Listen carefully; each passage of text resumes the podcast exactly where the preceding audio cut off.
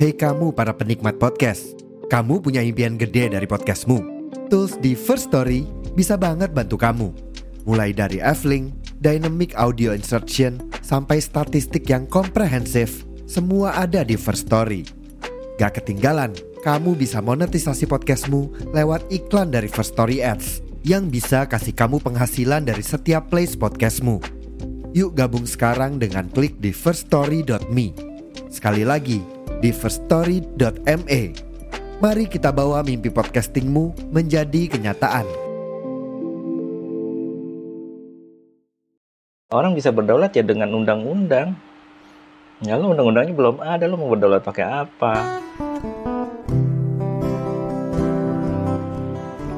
Kalau kita ngomongin kedaulatan itu kan berarti kan siapa yang punya kuasa terhadap data kita karena kedaulatan data ya. Ya faktanya sebagai pribadi kita bukan orang yang berdaulat terhadap data kita. Data kita dikuasai sama dua pihak negara dan korporat.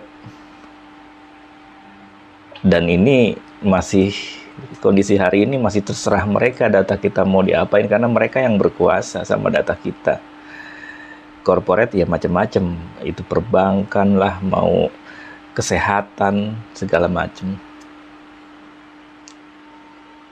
tidak ada jaminan perlindungan terhadap data kita sebagai warga negara karena memang rancangan undang-undang perlindungan data pribadi aja nggak kelar-kelar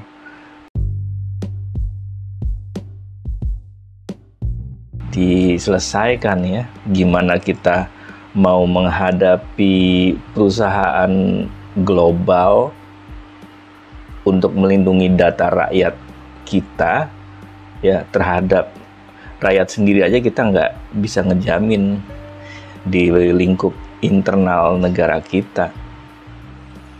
Kepentingan politik di DPR maupun pemerintah tuh belum klop mau nggak mau memang harus ada lembaga independen yang akan menjadi uh, penentu untuk mengadili apabila ada uh, kebocoran ataupun uh, kesewenang-wenangan terhadap pemanfaatan data pribadi warga. Baru kalau memang kita udah serius, disahkanlah itu RUU PDP, baru deh Indonesia ngomong menterinya juga nggak akan gagap ketika mau ngomongin kedaulatan data. Ya kalau sekarang kelihatan masih gagap karena apa? Memang perangkat untuk berdaulatnya belum ada. Orang bisa berdaulat ya dengan undang-undang. Ya lo undang-undangnya belum ada lo mau berdaulat pakai apa? Gitu Nah, kalau itu udah kelar, baru bisa berhadapan. Sekarang kita ambil contoh lah di Eropa sekarang ya. Kemarin kan Facebook atau Meta bilang, wah kayaknya gue nggak bakal bisa lanjutin nih Facebook dan Instagram nih di Eropa nih. Karena uh, penerapan GDPR di sana ya, uh, itu uh, nggak membuat uh, asik atau bikin kesulitan Meta untuk menarget iklannya. Sehingga mereka uh, bilang kayaknya nggak bakal lanjut gitu. Apalagi harus proses datanya harus di negara uh, di mana mereka ada gitu.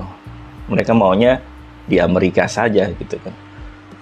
Lalu apa tanggapan para uh, petinggi di Eropa? Yang Jerman Prancis mereka bilang ya udah kalau nggak mau gue juga damai-damai aja kok nggak pakai Facebook nggak pakai Twitter empat tahun ini. Gitu Kenapa bisa kayak gitu? Karena mereka berdaulat. Itu contoh pejabat yang berdaulat. Pejabat kita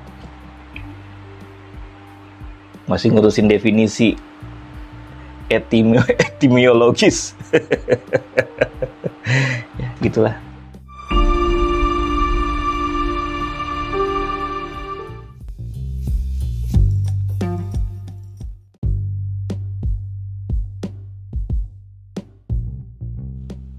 Terima kasih sudah mendengarkan podcast MT. Uh, berbagai topik juga sudah dibahas lebih dulu uh, di episode yang sebelumnya. Anda bisa browsing di uh, daftar apa saja yang sudah saya publish dan untuk apa yang belum saya publish selalu nantikan podcast MT. Terima kasih, Jabat Erat.